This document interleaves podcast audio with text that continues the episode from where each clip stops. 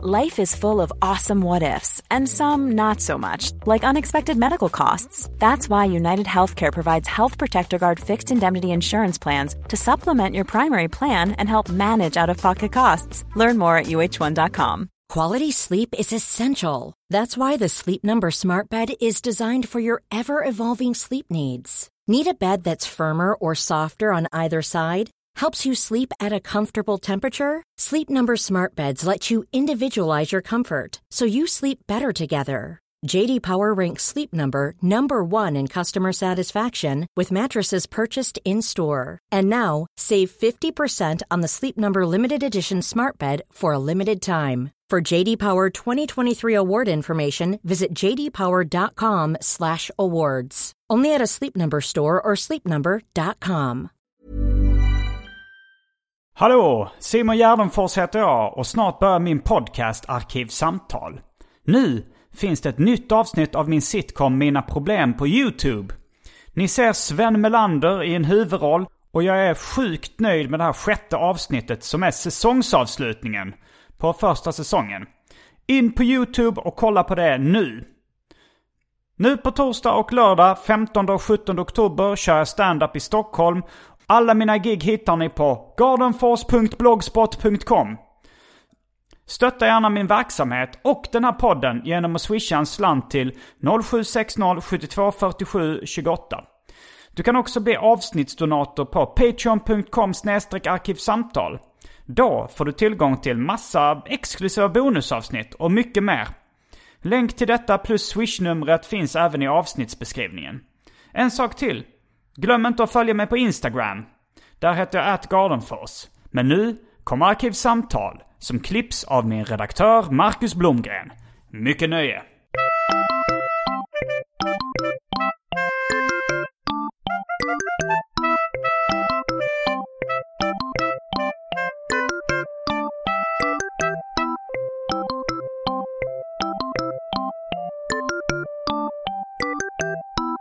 Hej och välkomna till Arkivsamtal. Jag heter Simon Gärdenfors och mitt emot mig sitter K. Svensson. Hej. Eh, hur mår du? Ganska bra får jag säga. Med det mesta. Jag, som jag sa innan så är jag lite trött då eftersom uh, min hund har så körig mage. Mm. Så hon väcker mig tre i natt. Då har jag bara sovit en timme i och för sig. Men uh, det, är lite, det, det är väldigt uh, tröttande att gå ut med en hund så mitt i natten. Ja. Man måste ta på sig alla kläder. Ah, ah, ni fattar själva. Ni Är det inte tröttsamt eller tröttande att ha hund i allmänhet? Det är ganska, det är ganska hög kostnad mot vad man får. Ja, Får man, jag- säga. Alltså, man måste nästan... Man, kan, man måste nästan ställa alla sådana ekonomiska kalkyler åt sidan. ja, ja, rent ekonomiskt men Nej, även... men inte ekono, men alltså, liksom, ekonomisera på det sättet. Ja, du menar för- jobb versus glädje. Ja, ja, precis. För att när man, med barn är det ju lite för cyniskt att räkna jobb versus glädje. Ja, men lite för, gör man ju samma sak där. Att man Mm. tänker att det finns en glädje som inte låter sig liksom mätas på det sättet. Mm. Hund, mm, den touchar ju mer. Vad är du bra för? Ja. Ditt äckliga kräk.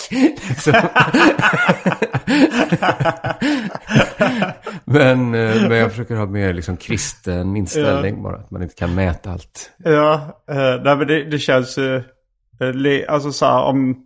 Ja men det här två barn och hund. Ja, jag får Det- snart mitt tredje barn. Det är bara ett- veckor oj. kvar. Grattis i förskott. Ja, tackar, tackar. Men det känns ju som det är väldigt mycket jobb. Tre barn och hund. Ja, alltså det, det är ju mer än ett heltidsjobb skulle jag säga. Um, Men eh, å andra sidan har jag ju inget annat heltidsjobb riktigt. men... Ja, det var en kompis med som sa det att... eh, alltså han har nyligen fått... Eller han har haft barn i två år kanske. Ja. Och han sa att... eh, eller han gillar ju det men han sa att det är ju en extremsport. Han sa att det är ändå, ändå så här... Det, det är som att... Att han tyckte det var lite konstigt att så många håller på med den Ja, extremsporten. Ja, jag kan förstå hur han det- tänker, ja. Och jag känner, jag är uppe och... Jag är liksom, liksom jag känner mig som Göran Kropp. Mm. Och bland extremsportare, just eftersom jag har barnen hemma hela, hela tiden. Och liksom slänger på ny, slänger liksom in en hund Ja, i ekvationen, nytt, ett barn till. Och så gör man ju så här typiska extremsportsaker också. Man bestämmer en dag att här kan jag ensam ta, men igår gick jag eh, till eh, någon sån här krepperi Mm. här på Söder. Och liksom käkade keps med barnen själv. Ehm, Det är ju så här riktig extremsportutmaning. Det Mm. kan nästan inte bli en så här underbar stund. nej, det är väl eh, väldigt liten chans. Ja, det kan bli liksom helt, det kan liksom, fan vi grejade det. Mm. Vi förstörde inte middagen för de andra som var där. Nej, men, det, men det gjorde ni nu. eller? Nej, det gick faktiskt ganska bra. Ändå. Ja. Och det var ganska trevligt också, ska jag säga. Ja. Men eh, det är ganska bra liknelse extremsport, ja. Ja, eh, men, eh, men frågan är om det är det hela livet eller om det blir lättare sen. Ja, det är ju frågan om man blir lyckligare av att liksom bara ta bort problem. Eller om man blir lycklig av att lösa problem. är ju en fråga man kan grunna på. Ja, Alltså om man tänker ett sätt att ta bort alla problem, alltså liksom ta bort alla drifter, ta bort allt liksom som... en buddhistisk Eh, inställning. Precis. Ja. Det är på något sätt, jag tror inte det är riktigt i vägen till lycka ändå. Nej, alltså det, det finns ju... Jag har också tänkt på det här att, eh, att ha ett behov och få det tillfredsställt. Det är ju väldigt njutbart också. Ja. Om, man, om man börjar röka Ja, och sen när man väl får ta en cigg så är det ju en sån lättnad och njutning. Ja, Men frågan är, men samtidigt så blir det liksom ett, ett behov och ett beroende. Eh. Jag tror de flesta rökare ångrar väl sig lite att de började. Det tror jag. Precis. Men här finns ju, det är ju en del av det, men det finns ju också det rena liksom att man löser problem. Mm. Att man vaknar och dagen är liksom ett minfält. Och man liksom klarar och liksom hoppar runt där. Jo, Bara jo. att liksom klara utmaningen är ju något som, Jo, det är ju ett äh, datorspel Ja. på det sättet. Att, alltså, då tar man ju frivilligt, alltså ett, ett äh, datorspel så försätter man sig i en situation där man liksom, Ja, ja. där man ska lösa massa problem och undvika faror och sådär. Ja men visst, det är ju nästan som någon sorts skämtgrej det här att folk kan ha ett ganska tråkigt jobb i ett dataspel. Ja, jo Liksom. det är det ju. Att man kan gå och äh, mocka i stallet och sånt där. och tjäna ihop till en poäng. Ja. Så, ja, ja, men, mm, mm. Mm. Idag, eh, ja, eh, du ja, men det, det tror jag också skapar Mm. mer lycka kring de poängen än de som köper poängen då. Kanske, om man ska ta analogin i mål. Ja, men det, det är väl så att lycka, eller man, vad man ska kalla det. men det är väl också lite att man inte orkar. Det hade varit ju mycket jobbigare att fysiskt mocka ett stall än att göra det i jo, ett jo, spel. om man får, det finns ju olika, men man skulle också bara kunna köpa de poängen kanske. Ja, det kanske man kan. Jag har inte I- spelat inte den typen heller. av spel på... Inte jag heller. Eller, aldrig kanske riktigt. Nej, jag har aldrig spelat dataspel. Nej, du eh, nämnde det i förbifarten innan. Ja. Ehm, Eller alltså aldrig nej, men du, ju... men du har aldrig, du har aldrig haft som vana. Nej, nej, jag har aldrig haft... Nej, jag, jag har aldrig liksom haft ett Playstation, aldrig laddat hem ett spel till en dator eller sånt där. Men jag har aldrig lagt en patiens. Nej, det har jag. Där åker jag dit. där kan jag fuska ibland. Fortfarande. Nej, nu var det väldigt länge sedan. länge sedan jag spelade kort överhuvudtaget. Ja. Jag har börjat spela lite schack mot min flickvän. Mm, Vi är väldigt jämspelta. då är det roligt. Ja. Jag spelade jättemycket schack ett tag, men det byggde också på... Sen blev han killen jag spelade mot lite bättre än jag. Mm. Och då var det inte... Det är lite som tennis. Då funkar det inte riktigt. Eh, när någon är lite bättre. Alltså tennis är rätt svårt om någon, för det är så svår sport i sig. ja, liksom. ja, man måste Och- vara jämspelta. Ja. Eh, schack, absolut så också. Eller det är också att det är, pin, det är lite pinsamt att vara överlägset sämre i schack. Ja. För det är så kopplat till att få dum i Eh, men uh, jag, jag brukar, alltså jag tycker det är rätt skönt. För det, dels när jag får ett litet övertag, då ger Andrea upp direkt. Och vill sluta. och sen så är det också att eh, hon blir på så himla gott humör de gånger hon vinner. Så, det är det är nästan win-win värt det. för dig, ja. Ja, det är nästan, jo, jo det är det liksom. Och du blir inte jätte, du när- bryter inte ihop när du förlorar. Vad sa du? Du bryter inte ihop när du förlorar. Nej, det gör jag inte. Jag, jag, det, det kanske låter som att jag ljuger nu. Men jag tycker nästan det är skönare att hon blir på jättegott humör. Mm. Än att jag vinner i schack. Så det skulle jag nog också välja om det gällde. Det tycker jag är sympatiskt. Mm. Men så skulle jag också tänka om det var jag och min fru som spelade. Mm. Ja. Det- Mm, eh, ska vi, behöver kanske inte presentera dig för de eh, inbitna lyssnarna som de säger i Della Morta. Men eh, för, eh, ja, du är komiker med mera. Ja, det kan man väl säga.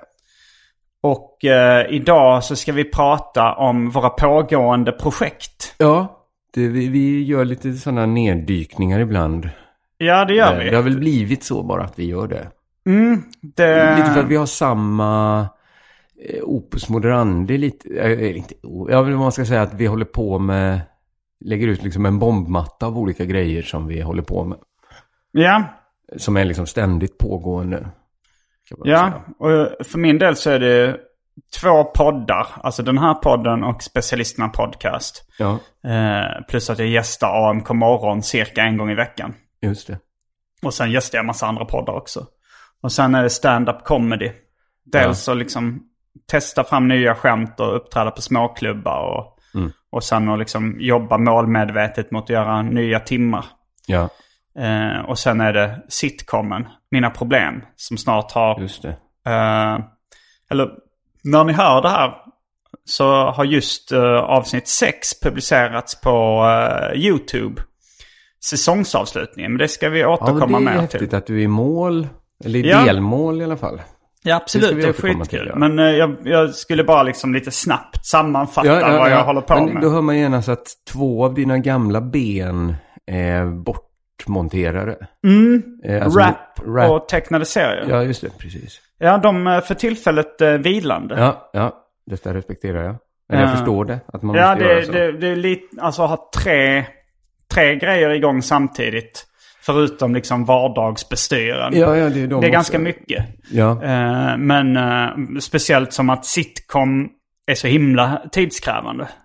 ja, det är det. Eh, är det. det är mycket mer tidskrävande än den här podden. Ja. Där man producerar, där jag, i podd, där jag får ur mig, ja men off, det blir ofta, alltså två timmar om kom morgon i veckan. Ja, för det man spelar in. tidsmässigt får Ja, du tidsmässigt det. får jag ut ungefär Ja. fyra timmar i veckan. Istället för då eh, en kvart, 20 minuter.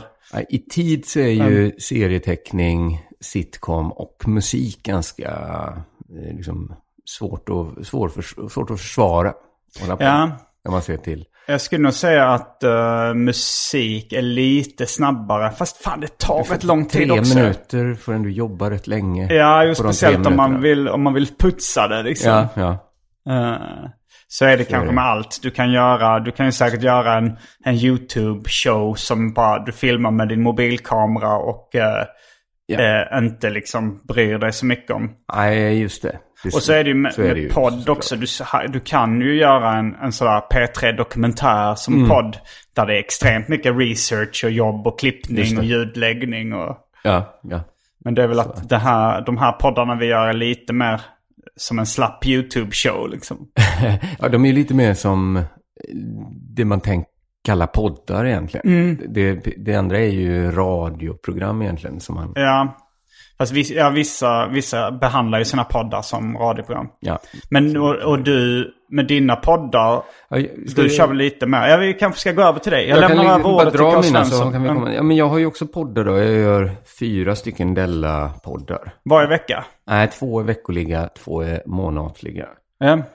Eh, och sen har jag också min podd som jag, det är en sån sak jag fått ställa lite nu. Jag har en podd som heter Magasin C också.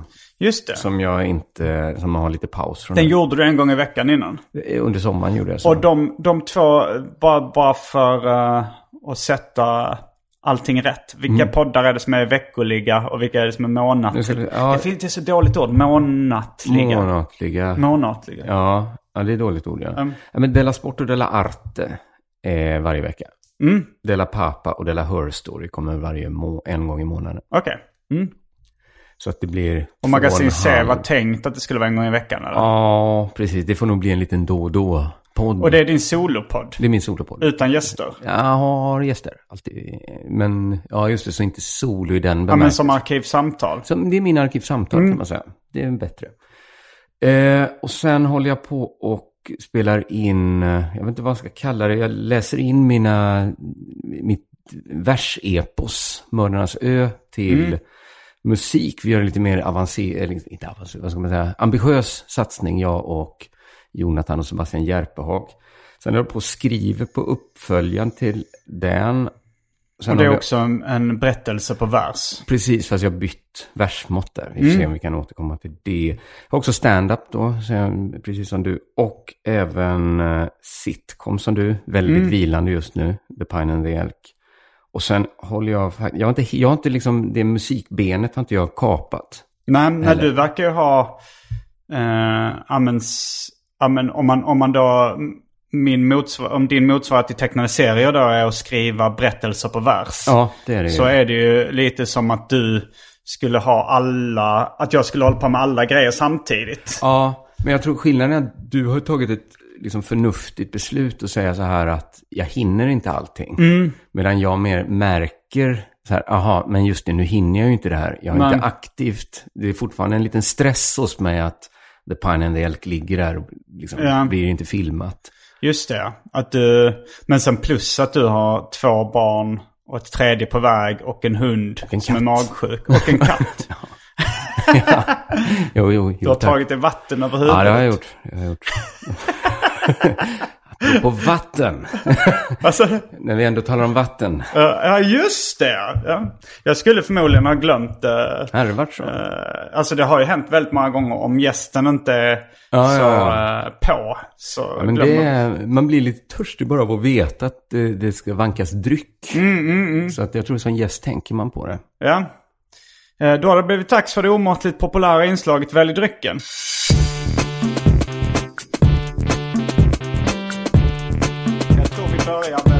Fasta inslaget Välj drycken. Och här kommer alternativen. Pulverkaffe. Coca-Cola Energy Zero. Ananasjuice. Bacardi rom. Eh, sen har vi sockerfri Schweppes Tonic som man kan eh, få med i Gordons Dry Gin också. Så det blir en gin och tonic. Just det. Uh, Jalovina ädelbrännvin, Fanta Zero, Mer Passion, sockerfri. Svarta skäggets hostmedicin, Recipect hostmedicin, Heinz tomatketchup, Snapple, sockerfri. Budweiser 3,5. Bullet Bourbon Whisky. Passoir, Pina Colada kan man göra. Ja, just det. Du hade Eh, ananasjuicen också. Malibu. Eh, sen har vi eh, häxblandningen. Det vill säga alla drycker som fanns i min eh, gamla kyl innan ni genomgick så kallad corporate rebranding. Och för tråkmånsar och nejsägare, vatten. Mm. Alltså, nu är ju, det är ju rätt tidig förmiddag. Ändå. Ja. Så det, det ställer ju många av alternativen. Och jag kommer... Alltså det är inte bara min hund som har haft lite dålig mage. Även jag har haft det ett tag. Så att jag, jag har inte druckit så mycket kaffe nu på sista tiden. Så jag skulle gärna ta en energidricka. Ja visst, någon det, du tar en eh, Coca-Cola Energy En Zero. tar. Ja, precis. Eh, ja, det låter eh, gott. Då tar jag en, eh, en Snapple. Mm. Då är vi strax tillbaks med dryckerna kända från det omåttligt populära inslaget Välj drycken. Häng med!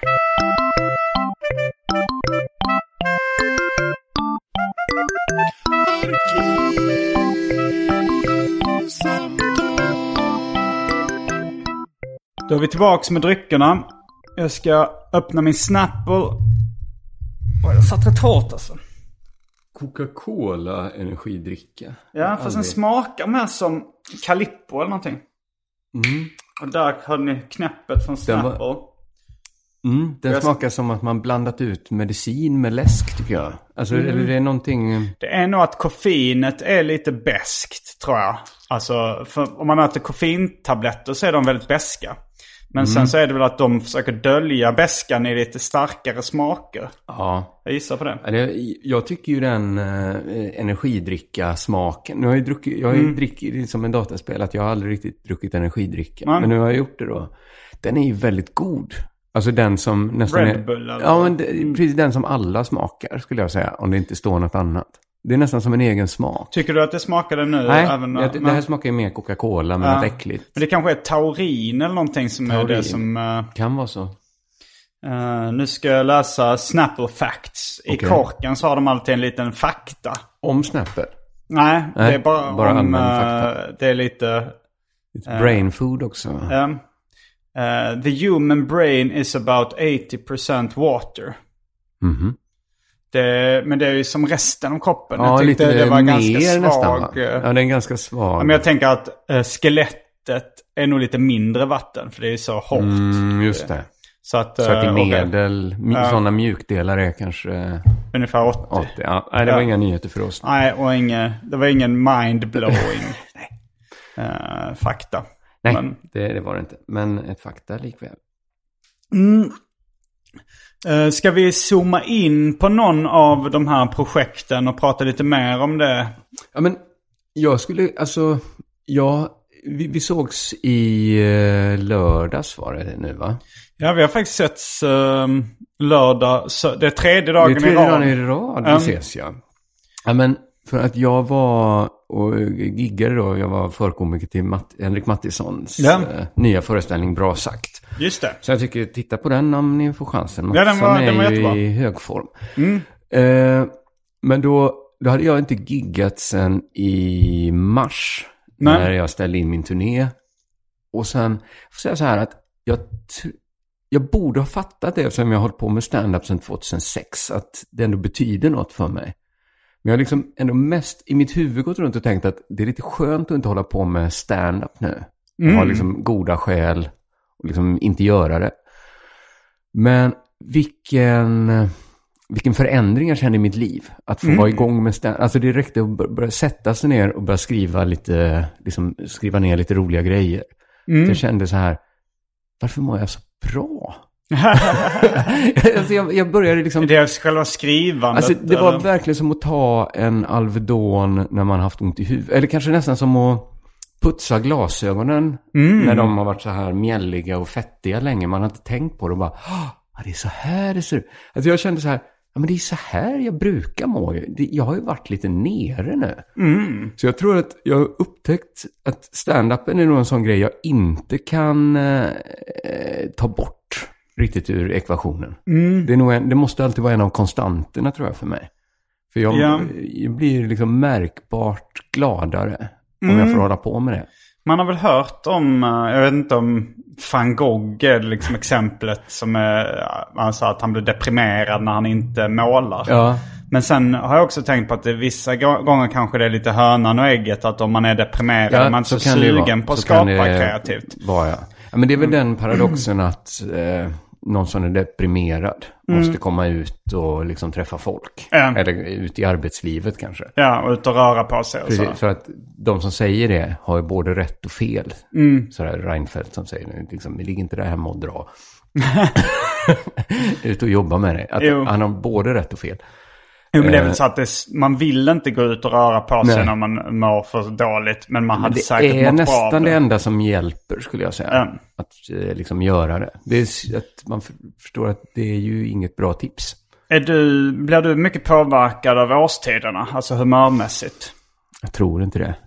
Ja, jag tror jag blir det ganska mycket. Ja. Men jag har liksom eh, lärt mig acceptera det. Mm. Att eh, det är så här, eh, ja men okej nu, nu kommer det bli lite sämre mående liksom under Det vinterhalvåret. är nog mörkret. Och sen, ja det är nog mörkret Mm, tror jag. Och, och, och, men det, det, det har ju varit, det har varit olika. Men, men nu, nu känner jag liksom den här hotfullheten från hösten. Som Ja. kan kännas lite spännande på något sätt. Att Ja, det är som det. eh, en, eh, en, en skräckfilm eller någonting. Att man hör de här eh, hotfulla tonerna i bakgrunden. Ja. Så att det, jag känner någon form av spänning. Men också att okej nu kommer jag nog, nu Just kommer det här bli lite, Jo, ja, men lite hemskt. jag, så tyckte jag det var. Jag åkte rätt mycket bussresor när jag var runt eh, 20. Så jag kunde köpa en resa till Kroatien. 30 Mm. Just timmar det. Mm. Att man visste sen när man gick på bussen att det kändes liksom dead man walking.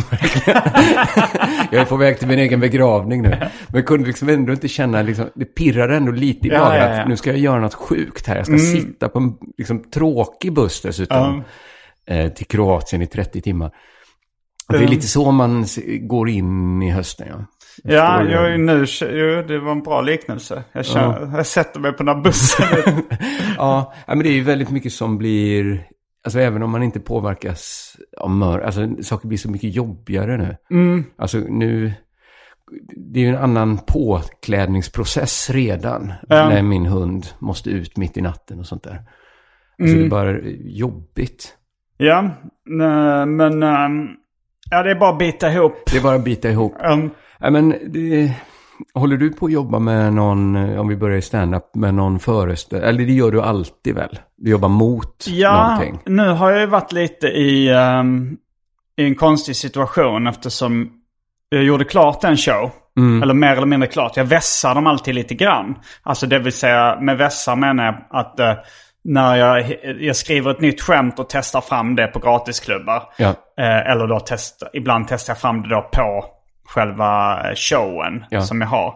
Eh, och om, om det är ett skämt som funkar jättebra så eh, byter jag ut det sämsta skämtet i föreställningen mot det här nya bättre då. Så, Ja, att, så att- så att showen blir lite, lite bättre. Sista föreställningen, eller liksom någon av de sista som du spelar in, då är den så tight.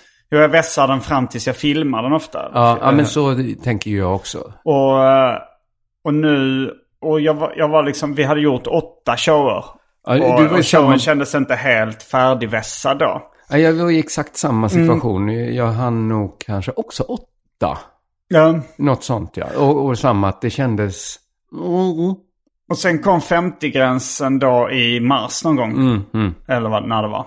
Och då, eh, och då så liksom, så ställde vi in turnén men jag fortsatte köra på Big Ben. Och jag, jag, jag slutade aldrig köra. Nej. Som minst var jag nere i ett gig i, i veckan. Ja, ja. Men sen ganska snabbt så började det liksom gå upp mot att man kunde göra tre, fyra gig ja i veckan. eh, och, och då så testade jag fram nytt material. Så nu, vet, nu har jag ganska, nu har jag liksom, jag vet inte om det är en ny kvart eller något sånt liksom. Så det är någon fjärdedel av den timmen.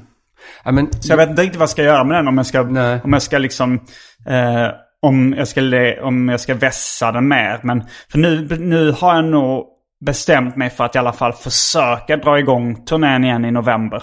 Okej. Eh, trots att det kanske blir lite, jag vet att eh, min bokare, jag får se hur Anton känner inför det också. Men, men eh, jag, jag, nu bara känner jag att jag vill köra igång. Jag vill inte liksom, för att, för att också att jag tror att de här gränserna på 500 och, och det här med liksom avstånd och sånt.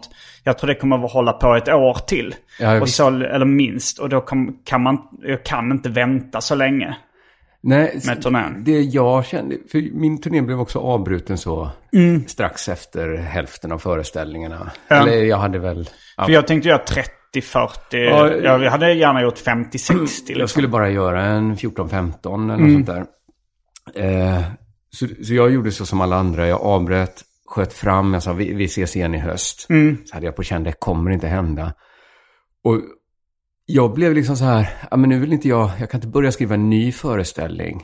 Men, När jag fortfarande har den här liksom, en kula i systemet så att säga. um, kula i och du hann inte filma eller spela in ljudet. Han, eftersom det var, coronan hade börjat så tänkte jag, fan, jag- det var, gjorde en vanlig skett en onsdagsföreställning, tog ändå ljudet. Um, Så att jag har den du ändå- brukar släppa skivor bara. Precis. Du brukar inte släppa filmade Nej, specialer. jag kör bara skivor.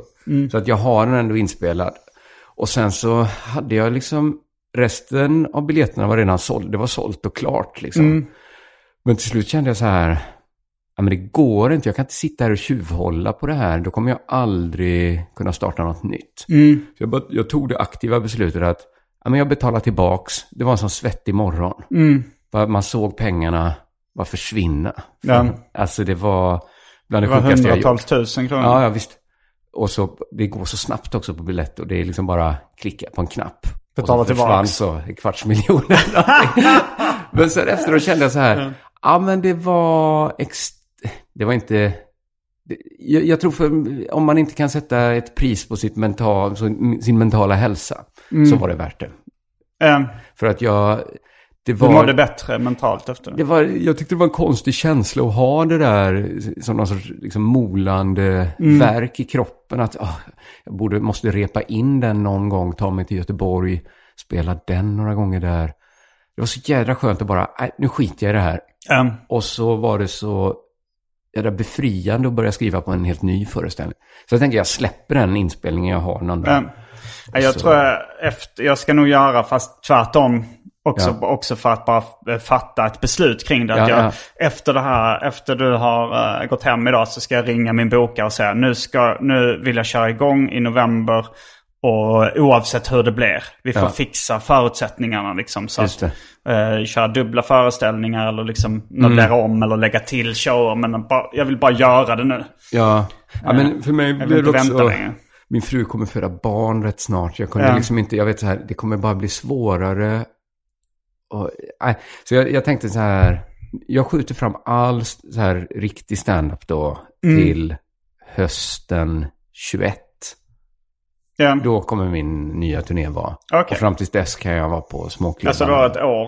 Ja, ett år nu. Det känns lite lyxigt att ha Ja. ett år. Jo, men du, du är också liksom lite, ganska mycket längre in i eh, branschen. Alltså du, du har varit ståuppkomiker så mycket längre tid än eh, du har så att säga satt ner foten som ståuppkomiker på ett annat sätt än vad jag har gjort känner jag. Vad, är- vad menar du med... Nej men jag kommer ihåg när jag, eh, när jag eh, började med tecknade serier. Mm. Så släppte jag eh, en serieroman och hade publicerats lite i tidningar och sådär. Ja. Och sen, men då kände man ändå man var lite i startgroparna. Ja, Eller fortfarande, men, men eh, jag, jag tror det var ett uttryck jag fick från eh, Mats Jonsson, serietecknaren. När jag hade gjort kanske min tredje eller fjärde bok. Så sa han så här, men nu känns det ändå som att du har... För då, då tänkte jag att jag skulle ta en paus och göra lite rap och sånt där. Så sa han att, ja men nu har du ändå satt ner foten som serietecknare. Alltså att du har ja. visat vad du kan. Liksom. Ja. Att du, sa,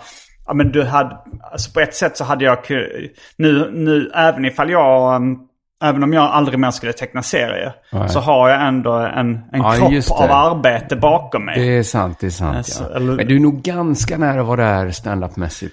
Ja, nu har jag också. två specials ute. Alltså det är ju fler än... eh, Alltså gamla gardet. Det är fler än Adde Malmberg ja, men precis. Ja, men de, de Ja, har ju... jo, men de jobbar på ett helt annat sätt. De flesta av dem i alla fall.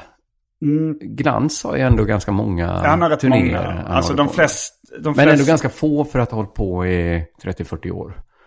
Kanske det. Men han har väl fyra Ja, stycken kanske. ja men det är ju. Och det, där tycker jag att, eh, Seinfeld är kanske den sjukaste.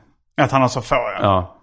Men han är ju den, alltså, jag tror det var George Carlin eh, som blev känd som den första som gjorde det här liksom att köra en föreställning, pensionera materialet, skriva på en ny och turnera med den. ja, det är ju min metod. Ja, och sen började Richard Pryor och sen Louis CK och de Ja, liksom det. plockade det, upp det. Det bygger ju på att man skriver på ett annat sätt än Seinfeld gör. Ja, För ingen kan skriva så mycket så som han gör.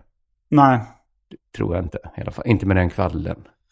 Men, eh, men så jag känner att om du tar en paus nu på ett år Ja, så är det en annan sak än om jag, alltså som ståuppkomiker en annan sak om jag skulle ta en paus på ett år. kanske lite. Det känns som att jag inte riktigt har fått fotfäste på det sättet. Nej, fast samtidigt. Jag tror dina föreställningar, ni skulle göra 30-40 gig. Ja, Alltså, jag tror det slår mig på fingret. Jag tror det är fler som, lys- liksom tittar på dina föreställningar. Jag tror det, det är ditt huvud Simon. ja. är det mitt huvud som... Som du inte satt ner foten. Att Ja, jag skulle ja. ha satt ner foten mer än du egentligen. Jag tror jag, jag vet inte. Jag känner mig alltid som en ganska marginell eh, lirare. eh, I, i stand-up. Ja, stand-up-branschen. men det kanske är att jag känner mig, känner mig alltid så här att alla är snälla och det är alltid roligt att komma Mm. till klubbarna. Men jag har ju inte det liksom eh, vardagliga hänget riktigt. Nej, inte. Men du har, som sagt så har du så jävla mycket strängar på din lyra just nu. Ja, jo, jo. Även om alltså de här familje och hund och kattsträngarna liksom. Ja, jag fortfarande- förstår säkert varför jag inte är där. Men, men jag, jag är liksom inte... Jag, vad ska man säga? Jag känner mig inte som en del av eh, liksom, communityt på samma sätt. Nej. Men det är inte riktigt samma sak som att sätta ner foten. Kanske. Nej, nej, nej. Sen känner jag mig alltid som en del också när man väl träffar alla. Ja. Men jag, jag blir ofta ganska extrem och lite manisk i grejer jag håller på med. Mm. Alltså, alltså väldigt, väldigt plikttrogen också Ja, på något ja, sätt. det tror jag är alltså, en olikhet mellan oss. Ja, men det var även så när jag var liten och, och jag tyckte inte det var jätte, jätteroligt att träna judo. Nej. Men jag kommer ihåg när de... gick igenom liksom närvarolistan så var det så här, för de, då, då fick man en sån här, liksom ett pris, någon Ja, present. Så här, för, då var jag den som hade högst närvaro som hade varit på flest träningar liksom. så, och det, och, eh, jag, jag tror jag har en sån, eh, en sån inne, eh, inbyggd pliktkänsla. Ja, att jag måste, att jag måste liksom... Du är en jag overachiever. Ja, men jag släpper poddar i tid. Jag, jag, Ja. kom, jag kommer i tid oftast när man bestämt en tid. Just det, och just det. Det är väldigt sympatiskt. Och jag, och, ja, men jag, jag, har, jag har en sån pliktkänsla. Jag Mm. vet inte om det... Det, det är nog liksom eh, som min hjärna ser ut lite. Ja, ja, där tror jag du har det, men där det också gränsar till liksom lite eh, något, sjukt ibland Ja, kanske. Ja, men, verkligen. Nej, det är sjukt, men liksom som man ändå hoppar till. Vet, ja, men det är väl inte sjukt att dina poddar måste vara mellan 60 och 70 minuter. Men man tänker ju ändå så här, ja, det var lite konstigt att de måste vara mellan, i just det minutspannet. Ja. Eh, men, Jo, jag har ju lite drag av OCD. eller ja. Jag OCPD tror jag jag fick den halvseriösa eh, podd. Jag, var med i en sån podd där de skulle ställa personlighetsdiagnoser. Och, Ja, ja. och eh, Daoud Ali då som jobbar med det delvis. Men jag vet inte om han är auktoriserad egentligen att ge en diagnos. Men det, jag, har, jag har väl någon sån diagnos. Det tror jag. Och jag, där tror jag är en, alltså jag är också rätt plikttrogen och sådär, men, men liksom på andra sidan eh, liksom gränsen som du eh, har klampat över. Ja. Så, så är det ju. A lot can happen in three years, like a chatbot may be your new best friend. But what won't change? Needing health insurance. United Healthcare Tri Term Medical Plans, underwritten by Golden Rule Insurance Company, offer flexible, budget friendly coverage that lasts nearly three years in some states. Learn more at uh1.com. A lot can happen in three years, like a chatbot may be your new best friend. But what won't change? Needing health insurance. United Healthcare Tri Term Medical Plans, underwritten by Golden Rule Insurance Company, offer flexible, budget friendly coverage that lasts nearly three years in some states. Learn more at uh1.com. Wow! Nice. Yeah. What you're hearing are the sounds of people everywhere putting on Bombas socks, underwear, and t-shirts made from absurdly soft materials that feel like plush clouds. Yeah, that plush. And the best part? For every item you purchase, Bombas donates another to someone facing homelessness. Bombas. Big comfort for everyone. Go to bombas.com slash ACAST and use code ACAST for 20% off your first purchase. That's bombas.com slash ACAST. Code ACAST. Men, eh, men den stora grejen för mig nu är att jag har eh, gjort klart eh, avsnitt 6 av uh, sitcomen. Och nu eftersom när ni hör det här så är, är avsnittet släppt på YouTube och jag har haft releasefesten. Och då kan jag, då kan jag också avslöja vilken den i- hemliga gästen som jag har hållit lite på halster. Det är Sven Melander. Just, det är ju väl, det är ju jätteroligt. Ja, det, är, det känns asstort för mig att, eh, att han eh, liksom kunde, kunde vara med. För det, det är inte bara en cameo heller, utan han är huvudrollen i det avsnittet. Ja, Du har Men- inte sett avsnittet Jag har inte ännu. sett det ännu då, men Men- jag hoppas vi kunna gå på releasefesten. Men Mm. gjorde han det, det kanske är liksom ofint att fråga, men lite intressant. Gjorde han det pro bono eller anlitade du han som en betald skådis? Eh, jag tror att han gjorde det gratis. Vi har aldrig diskuterat pengar överhuvudtaget. Nej, nej. Jag, eh, jag frågade, alltså jag frågade bara om han kunde, om han ville och han sa att han, att han ville det. Att han liksom, för han läste manus och tyckte det var roligt. Och sen, eh, och sen ja, men någon gång under inspelningen så frågar han liksom så här, hur finansieras det?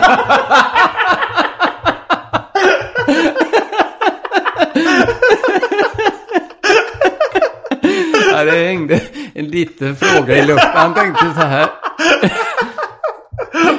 Och då så sa jag så här, eh, ja men eh, jag får eh, en del Swish-donationer. På telefonnummer 0760724728. Eh, och, men annars så är det jag som betalar det och det, det är liksom, det, det är ingen som, vi jobbar gratis. Ja, han bara, ja. ja, ja. och sen pratar vi aldrig mer om det. Nej, nej. Men alltså om han hade, om han hade skrivit eh, till mig och frågat så här. Fast, fast grejen att hans, när, när jag pratade med honom i telefon så sa han också så här att ja, jag är ju officiellt pensionär nu så eh, jag gör ju bara saker jag tycker är kul. Ja, så ja, han är ja. liksom inte kanske så jättemycket Nej. behov av pengar heller. Och det, hade kanske, och det hade varit svårt tror jag att förhandla fram ett rimligt Ja, gage. precis. Vad är ett rimligt gage för Sven Melander? Ja. ja, ja, Men, ja. eh, men han, det var ju skitkul att jobba med honom. Han var, han var, så, han var så proffsig och levererade replikerna och skådespeleriet ganska direkt som jag ville ha det. ja. Så det behövdes inte så mycket omtagningar och sådär. Nej, nej, nej. Och jag Wow. gjorde även min regidebut den dagen han spelade Mm. in. För att eh, Adam Milari som brukar regissera kunde inte den dagen. Nej. Och jag ville inte liksom chansa när, när Sven Melander sa så här, men jag kan den och den dagen. Det. För det var mitt under coronapandemin också. Ja. Och han uh, tillhör ja, men lite riskgrupper. Vi var Ja, tvungna det att göra, lite, ja. ha lite extra mycket handsprit och munskydd. Och, Mm. Alltså när, när vi då inte var i bild. Det är inga munskydd i bild. Nej, men... nej. Ja, jag, det var roligt. Jag ser mycket fram emot detta. Mm. Och jag, jag, jag blev... ehm, jag visat det för uh, två, en kompis och Andrea då. Båda säger att det är det bästa avsnittet. Ja, Vilket jag blev jävligt glad för. För det för min, min polare som var så här, han sa att Wahlbeck-avsnittet sa han, men det var svårslaget. Alltså, Ja, det men han väldigt- sa att, det här hade, att han tyckte det här var bättre än Wahlbeck-avsnittet. ja tror jag säkert. Mm. Det, ja, men det ska bli jätte, jätteroligt. Det, och eh, kommer du börja direkt nu på... Nu är första säsongen slut då. Ja, jag, Börjar du liksom utan... Du bara börjar med nästa säsong? Nej, jag tänkte, jag tänkte nog försöka klippa ihop det här till en eh, långfilm. Eh, alltså, men jag tror det kommer, det kommer, jag ska, det kommer nog eh, kanske kännas mer som här är det sex sitcom-avsnitt i rad än en långfilm. Men jag tänker lite som filmen Coffee and Cigarettes av Jim Jarmusch. Mm, mm. För där känns det inte som att det här är en traditionell långfilm utan det känns som, okej här är eh, några, ett gäng kortfilmer på Ja. ungefär samma tema. Eh, men det får bli liksom som en experimentell långfilm som Ja. är som sex sitcom-avsnitt. Men tanken är väl mer att jag då kanske kan få in det på någon filmfestival. Ja, Man kanske kan släppa den i något fysiskt format. just det. Kanske på en VHS eller något. Det kan försöker- du ju göra i och för sig med avsnitten också. Jo, jo, det skulle jag kunna göra. Men Ja, men jag förstår den Så tanken. jag vill ha den känslan liksom att den... Så, så det ska jag göra och sen... Eh, och sen får jag se liksom när jag kommer igång med turnén. Nu var det ju rätt så lägligt på ett sätt för mig att eh, pandemin kom precis när jag var mitt uppe i en flytt.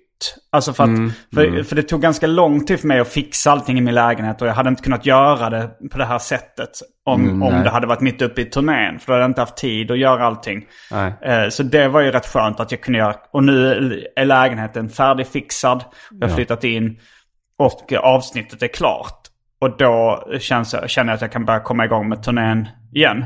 Jag hade inte tänkt börja med det här avsnittet så tidigt egentligen. Alltså, Nej, okej. mitt, för det, eller det hade tagit ännu längre tid om jag gjort det mitt uppe i turnén. Ja. Men, eh, ja men. Så nu så är jag klar med det här. Jag ska liksom klippa upp det till långfilm. Ta tag i ganska mycket andra små ärenden sånt som jag skjutit upp bara. Ja, ja. Eh, och, och kanske... Sen, sen, får, sen får jag se lite. Jag har inte... Jag tycker det också ska bli rätt skönt att inte direkt... För det, det är ganska påfrestande att, att göra film och sitcom och sånt där. Det, ja, ja. Så jag ska få se lite vad nästa stora projekt är. Alltså nästa stora projekt kanske inte är säsong två då? Nej, det Nej. kanske blir... Jag har lite lösa planer på att kanske liksom börja göra en långfilm direkt. Mm. Eller kanske skriva någon, skriva någon form av bok, alltså textroman. Ja, För det, det är två saker som jag inte har gjort av dem liksom. just det. Eh, det är en fråga jag fått några gånger. Så är det någonting du aldrig har gjort av alla de här kreativa grejerna du skulle vilja göra? Så det är långfilm och eh, textroman. det. Just det. Så jag vet inte om det kommer vara... Alltså, men det kan också vara att jag bestämmer mig för att bara göra en ny säsong av mina problem direkt eller... Det är ganska skönt läge du är i. Ja, det är Där det man ju. kan välja så. Och det skulle vara rätt skönt att bara kanske gå runt någon vecka och bara känna efter lite också. Vad är jag sugen på att göra? Alltså så här, vill kanske en ny skiva eller en, ny serieroman tror jag inte jag är sugen på att sätta mig. Men det är liksom, det finns ändå som ett rent teoretiskt alternativ. Ja, ja. Ja, Jag, jag blir lite avundsjuk för att jag har valt, eller på ett sätt på, har jag valt, men på andra sätt har det liksom blivit så att jag är så, vissa av mina projekt är så extremt långa. Alltså, jag Mm. Du skulle ett, bestämma dig för att köra tio stand-up specialer. Precis. Tio på tio år. nu håller jag på att jobba med den sjätte. Ja, du har ändå Så, kommit så att jag är over the hill nu och Ja. jag har vissa planer på att, tänk om tionde är liksom en supermaffig best off i två akter liksom. Då är det, då är det kanske, efter den här är det kanske bara tre kvar att skriva då. Men det är ju ändå väldigt lång tid man ska vara inne i det. Ett sånt liksom ganska stort projekt att skriva. Mm. Jo, tio år är så himla... år är- Sen- Folk skrattade någon gång när jag, hade, när jag berättade att jag hade en femårsplan. Ja, Och sen eh, byggde jag ut den lite till en 15-årsplan. Och då var det så absurt. Men, men den 15-årsplanen har jag liksom svängt åt helt olika håll. Ja, Alltså min 15-årsplan innan jag började var liksom att köra stand-up i tre år. Göra en serieroman om, eh, om min tid, mina tre år som ståuppkomiker. Ja, och sen ja. börja teckna matserier. så blev det inte. Nej. Nej, nej men så kan det ju, så får man ju, man får ju vara lite, man får inte vara he, helt Sovjet liksom. Men, ja, men sen har jag ett annat jätteprojekt som, det var inte det från början, men nu har det liksom blivit det där att jag skulle skriva liksom mina böcker. Att det har blivit en ganska lång planerad serie nu på, ja men jag, nu har jag budgeterat att det, det kommer ta sammanlagt nio år att skriva allting. Vilka böcker är det då? Ja men det, det var ju första delen i min trilogi Sinfonia 1. Okej, men du, hur, många, hur många år av de här nio åren har du kommit in? Ja, jag är på fjärde. Okej, jag har jobbat um. lite drygt av fyra halvt. Ja, jag är nog halvvägs där också. Ja. För nu håller jag på med min andra trilogi som jag skrivmässigt är ungefär på mitten. Mm. Och det kommer, ja. Den här, Och sen ska du göra en tredje trilogi? Ja, jag tänkte det. Okej, och v- har du bestämt vad, hur, vilken format det ska Ja, vara? tänkte jag att den skulle vara drama. Liksom Ja, att pjäser. Det, det är pjäser, ja. Mm. Så att då är det en del, tre böcker som är, är som vanlig liksom skönlitterär prosa. Och så är det det jag jobbar på nu då, tre delar med vers. Mm. Och den första boken är på blankvers som, som är stigande. Och det jag håller på att skriva nu är på eh, hexameter istället. Mm. Att det är fallande då, som Odysseen och Iliaden är skriven på. Och så sista delen ska vara på fri vers. Förhoppningsvis, jag tänker ändå att en fri, fri vers går lite snabbare. Att inte sitta och räkna daktyler så som jag gör nu. Mm. Och sen, men det är liksom, då blir man lite avundsjuk på, på, och lite rädd kanske jag skulle bli när det var färdigt. Men också, nu blev, när du sa det så blev jag avundsjuk på det här att, åh, undrar vilken blir nästa stora projekt Ja. ska bli. För ibland tänker jag också att jag kanske aldrig riktigt kommer lämna det här bokprojektet. Ibland tänker jag så här att de här första tre trilogierna, tänk om det är första delen.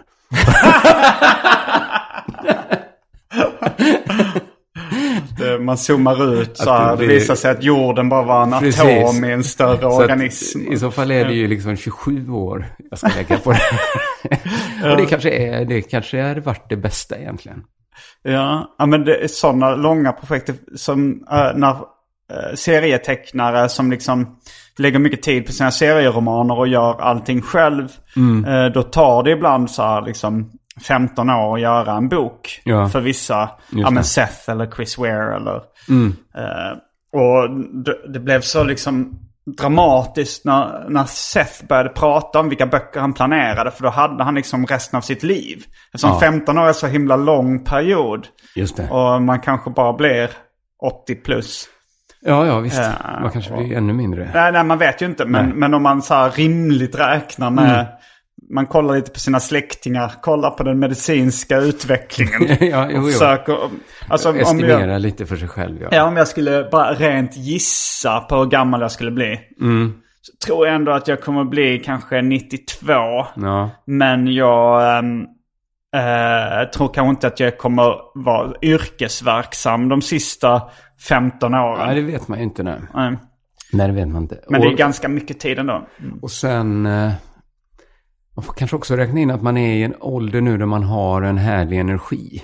Ja, till jo. jobb just och sådär. Att Man har en härlig energi mellan 20 och 30 också, men liksom mer distraherad av annat. Ja. Det kan man ju säga Ja. Mm. att jag är av mina barn och allt sånt där också. Men, men inte på samma sätt riktigt. Nej. Nej, jag har mer fokus nu än vad jag hade Alltså, när jag var hade ju mer 20 tid plus. då såklart. Men fokuset just. Jo, ja, ja. Och liksom eh, också kanske kompetensen. Alltså jag Ja. kunde inte så mycket saker mellan som jag kan nu Nej. heller. Eller det är ju helt naturligt att man lär. Alltså det är på något sätt, eh, stjärnorna står ju väldigt rätt nu för en som eh, kreatör. Ja, och, men det är också vissa grejer. Jag tror att det är svårt att veta. Ja, men, som musik till exempel är ju mer förknippat med en ungdom. Liksom. Att det är mellan, eh, ja, men att det är en, när man är mellan 20 och 30 skulle jag säga att i alla fall som, ja, som popartist. Ja, ja, precis. Att det är, väl, det bästa då. Precis. Beatles var väl mellan 20 och 30. Ja, jo, det var de ju. Sen, sen finns det ju, om man inte själv frontar musiken så finns det ju liksom de många som skriver musik som är äldre. Mm. Och, och man kan, kan göra någon form av mogen platta. eller något sånt. Skilsmässoplatta. Ja. Släppa. Ja. ja. Men, eh, men jag tror det är lite under... Jag tycker inte det känns konstigt när du och, eller liksom Anton släpper en rapplåt. Nej, Det, det är ändå lite under förändring tror jag. jo det är det absolut. Sen, alltså det, man, det kan, man kanske inte kan vara hur gammal som helst. Och, Nej, men det, det är väl så här också att så kan man det. Alltså, man kan ju göra det. Men det är så här, man, man, alltså jag, när, när, Eddie, när inte Eddie Meduza utan när Onkel Konkel dog. Ja. Då, eh, då så blev hans eh, sambo intervjuad och så sa han så ja men han höll fortfarande på att göra liksom. Han satt alltid och pysslade med någon låt liksom. Ja, ja. Men det var nog bara det att eh, folk var ganska ointresserade av när, när han släppte en ny låt. Alltså så här, jag Precis. var inte heller så jätteintresserad. Alltså Nej. jag kan tycka det är kul med liksom Onkel Konkel. Men ifall det hade kommit en, en, alltså då på nu och efter han dog kanske intresset väcktes. Men, Ja. men om det skulle vara, om det är så här nu, jag vet inte. Ja, men jag, jag träffade en, eh, ett fan på stan som gillar så här. eh, Han, han stoppade mig och sa så här, ah, men fan jag älskar din musik. De, det här det här med min favoritlåtar, jag vill, kan vi ta ett foto? Jag bara, ja absolut. Och då hade jag just släppt en ny låt. Ja. Eh, Jag kommer inte ihåg om det var Vesslan eller om det var Jag längtar tills du blir ful.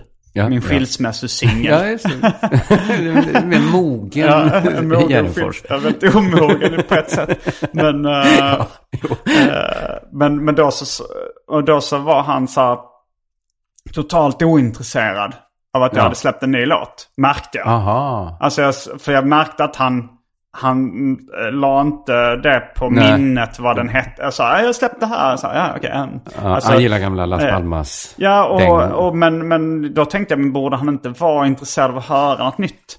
Men så tänkte jag på om jag hade träffat Ice Cube av en slump Ja, just det. när jag var i LA. Då hade jag sagt, åh för fan jag älskar jättemånga Ice Cube-låtar. Mm. Och jag hade velat ta ett foto med honom, jag hade velat ge honom en komplimang. Men jag, om han berättade, jag just släppt en ny singel. Mm. Jag hade varit totalt ointresserad. Ja, det måste vara väldigt hemskt för sådana, eller hemskt och hemskt, det finns det de som har det värre. Men jag tänker ibland på så här Paul McCartney, Mm. som liksom fortsätter göra skivor. Och så är det så himla länge sedan han spelade med Beatles. Alltså Ja. nu är det ju 50 år sedan. De liksom slutade. Att, för han är väl ändå den nya skivan han jobbar på, är ju liksom den viktigaste. Jo, Som, okej, nu har han, det är väl många som köper den. jo såklart, det är det men- säkert. men, Men, det, men det, men de, det, bryr, de kanske inte spelar den riktigt på samma sätt som de spelar Nej, den. och de flesta tycker nog så här, ja, det är inte det är inte riktigt revolver. lika bra, men det är, Men kul har att, ändå sina kul att kvaliteter. gubben håller på. Jo, men, eh, Kompletister som köper. jo, så alltså på det sättet, men, men författare har ju en annan position då. Att det är ju, där, är- där är det ju sällan under 30 om du gör ditt liksom magnum opus. Ja, så är det väl ja. Så, Eh, så, det så, så, så frågan är hur mycket av det som mest har med liksom dina egna fördomar och dina egna, eh, eller liksom samhällets fördomar. Eller hur hjärnan ser ut. Alltså så här som Ja, att, ja. så, något som är lite mer mätbart är väl schack. Eller något sånt då att man, att det finns väldigt, väldigt få schackmästare över 30. Ja. Att det är kanske att hjärnan ser ut på ett visst sätt Ja, eh, eh, som passar sig mer med att, eh, skriva eh, liksom klistriga poplåtar. Ja, så att det, kan kan, det ju... det kan vara svårt att skriva det om du är över 30, jag vet inte. Man Nej, kanske... för sig Max Martin och de kan ju skriva det. kan ju skriva, men de är ju också lite längre från målgruppen för varje år. Alltså deras målgrupp är ju fortfarande, den, den är ju alltid lika ung. Mm. Men de kommer för varje dag som går åldersmässigt lite långt ifrån den. Och Jo. de blir mer inlästa kanske på vad målgruppen Mm. gillar. Och mindre och mindre känner det genuint. Jo, för det är väl det att man måste själv gilla det som är trendigt för att göra det riktigt tror bra, det. tror jag. Och, Jag hade inte kunnat göra eh, den typen av rap som är populärast just nu. nej, Eh, sån det, men lite trappy. Soundcloud. Ja, Nej, det hade inte jag kunnat göra för jag tycker inte det är tillräckligt bra. Så Nej. då vet jag inte själv liksom vad... eh, men, men, eh, men när, liksom, när jag gjorde... När, men men det, kan, det kan ju svänga lite. För ibland är det olika trender som jag tycker är olika bra. ja, ja. Jo, det, men så behöver man inte alls tänka med böcker. Nej. Att vad är det nu liksom 18-åringarna läser? Vad är det för poesi de där? Ingen alls. Nej, ingen alls. Eller det är poesi i musikform egentligen. Alltså det, det det är ju så det man konsumerar poesi nu. Det är genom låttexter. Ja, och väl varit så ganska länge också. Ja. Får man väl säga. Sen, jo. Jag vet inte riktigt när poesin eh, började marginaliseras. Jag, jag skulle tippa att det alltid varit ganska marginaliserat. Nej, men var man har en när, annan eh, bild av att... Ja, men jag tänker när eh, Shakespeare Ja. var som störst. Var, och, och, alltså var inte det... Men kan det varit så jävla många som höll på att läsa Shakespeare på den tiden? Nej, jag tror det var färre som konsumerade Ja, eh, kultur överhuvudtaget. Ja. Men, men det fanns ju inte så mycket... Det fanns inte så mycket annat att tillgå kanske. Ja. Nej. Ja, men nu kanske problemet är att, då att det är ing, om det var ett snävt skikt, ett, Mm. någon sorts samhällselit för då. Eller Sen var det säkert vanligt folk som gick och såg hans pjäser kanske. Ingen aning. Nej. Jag, vet tror inte det var så jädra mycket folk som gick på teater då. Nej. Det kan det ju inte gärna vara. Nej, det kanske det inte var. Eller ingen aning. Men, men nu är ju liksom både teater och poesi och för den delen tecknade serier väldigt liten del av vad folk konsumerar för kultur. Ja, Det är ju liksom musik och rörlig bild. Det vill säga liksom film och tv. Ja. Och Netflix, alltså den typen av streamad underhållning och YouTube-underhållning.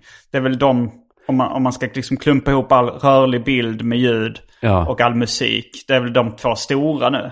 Finns det någon annan som är riktigt stor? alltså riktigt, riktigt stor. Sport är ju större men det, det, det, stort, det känns som en annan grej, en annan underhållningsform. Och datorspel är ju Ja. kanske större.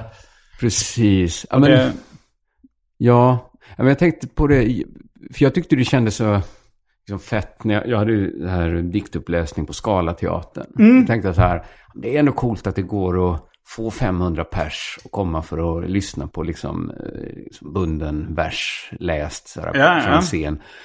Men samtidigt, jag får ju vara ärlig, det var kanske inte, det fanns ju ändå något annat som lockade också.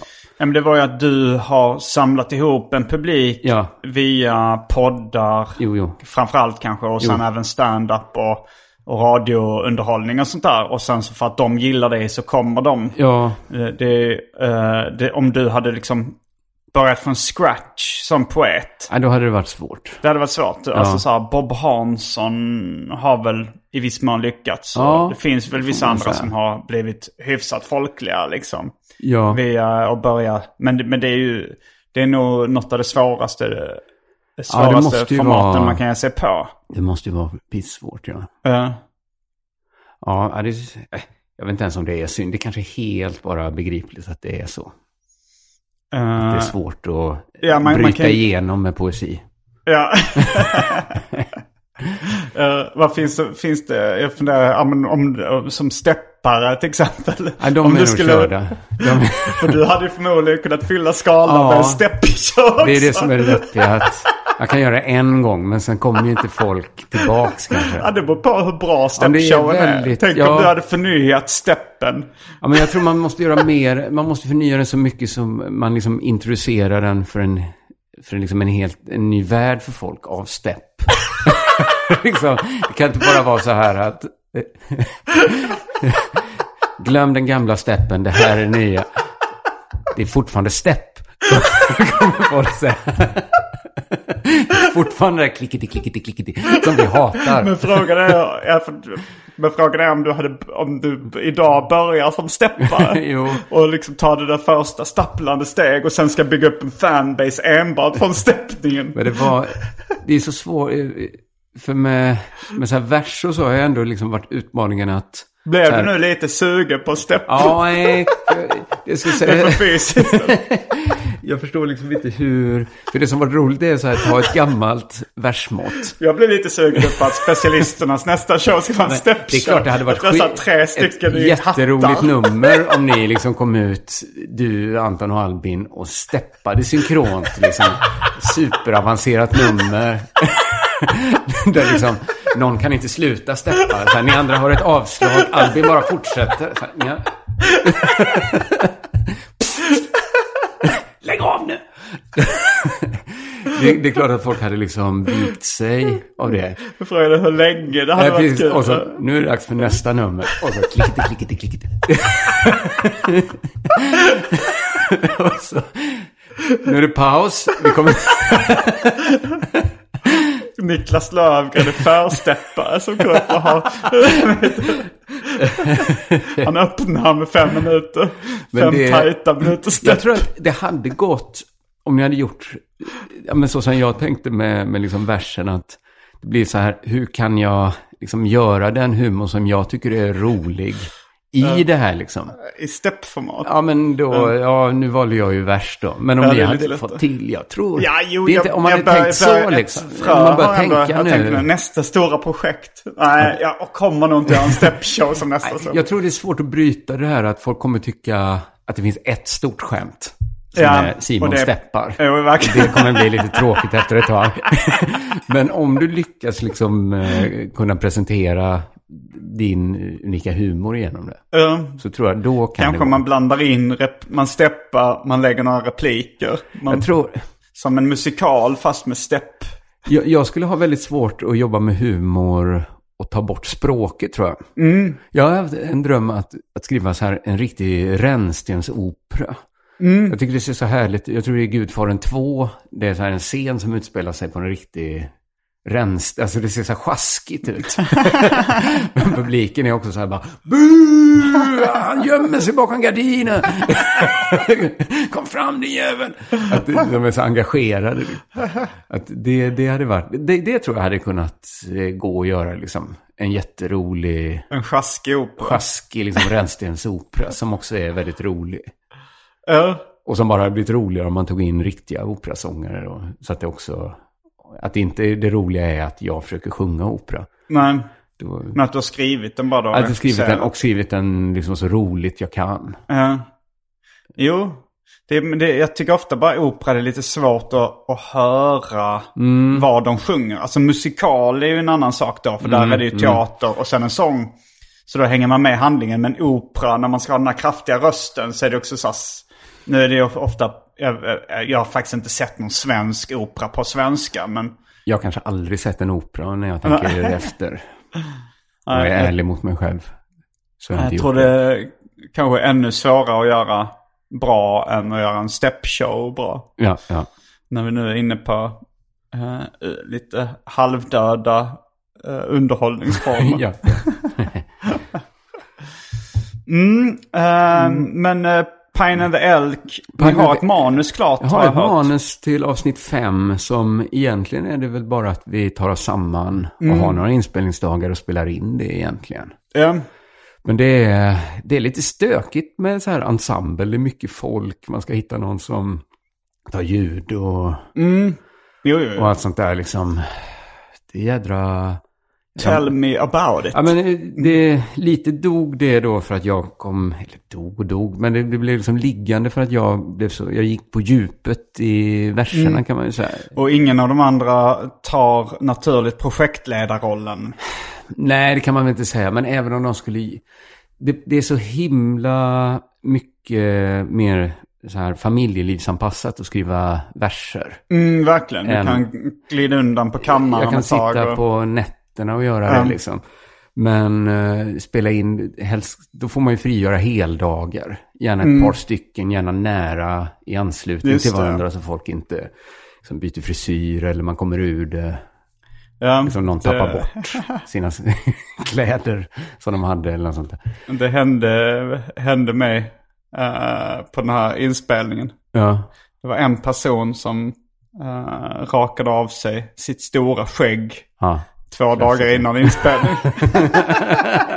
Där har du ju nackdelen med att jobba med, med, med, med gratis arbetskraft. Man kan inte riktigt ställa de kraven på folk. Nej, Att nu får du inte klippa dig. nej. Men, Men jag, jag tror bara det handlar om uh, ren hjärnsläpp Ja. när han gjorde det, snarare än pengar.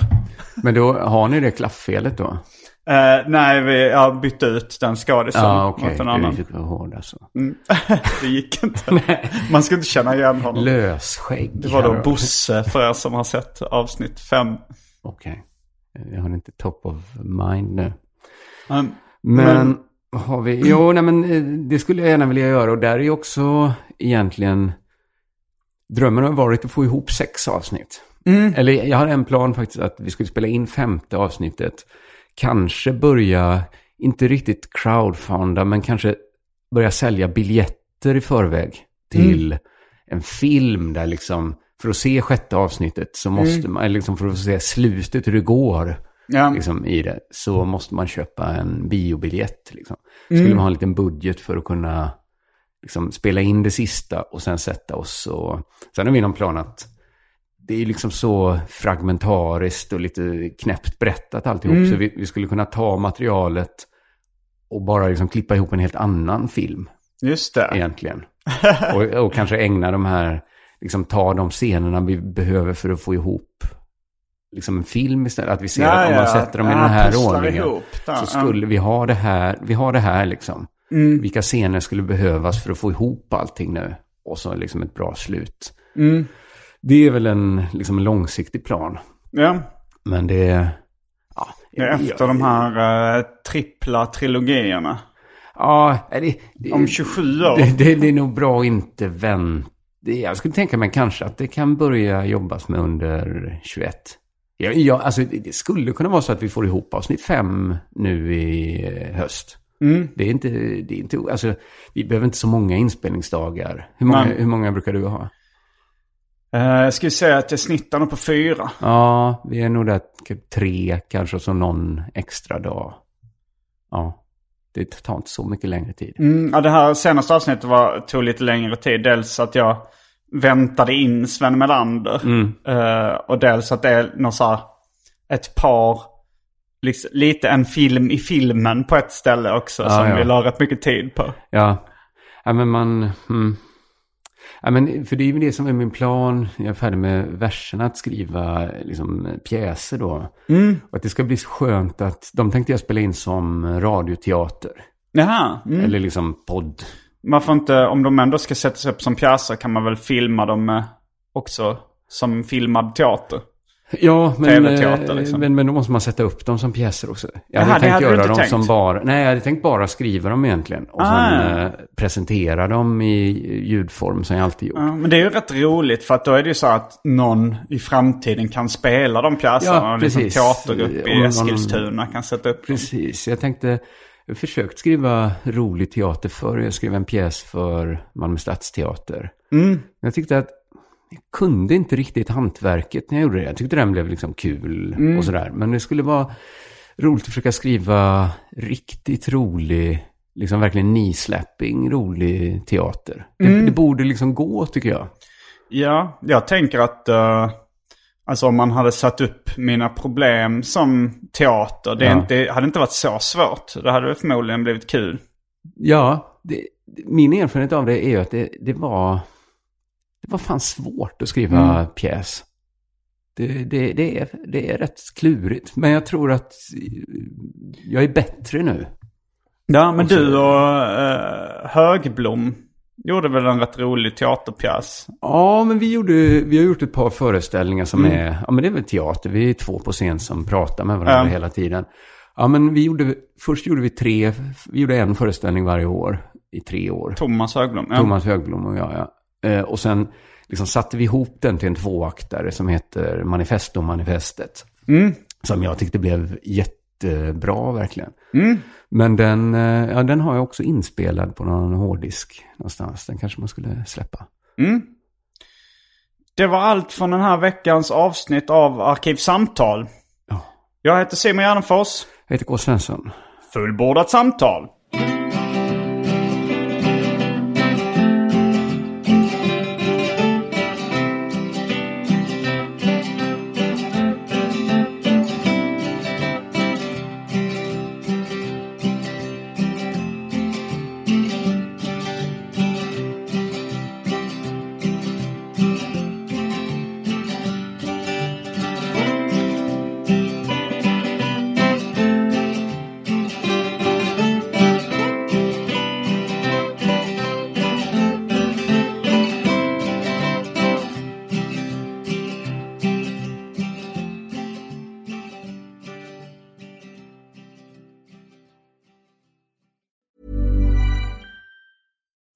On a budget, we still deserve nice things.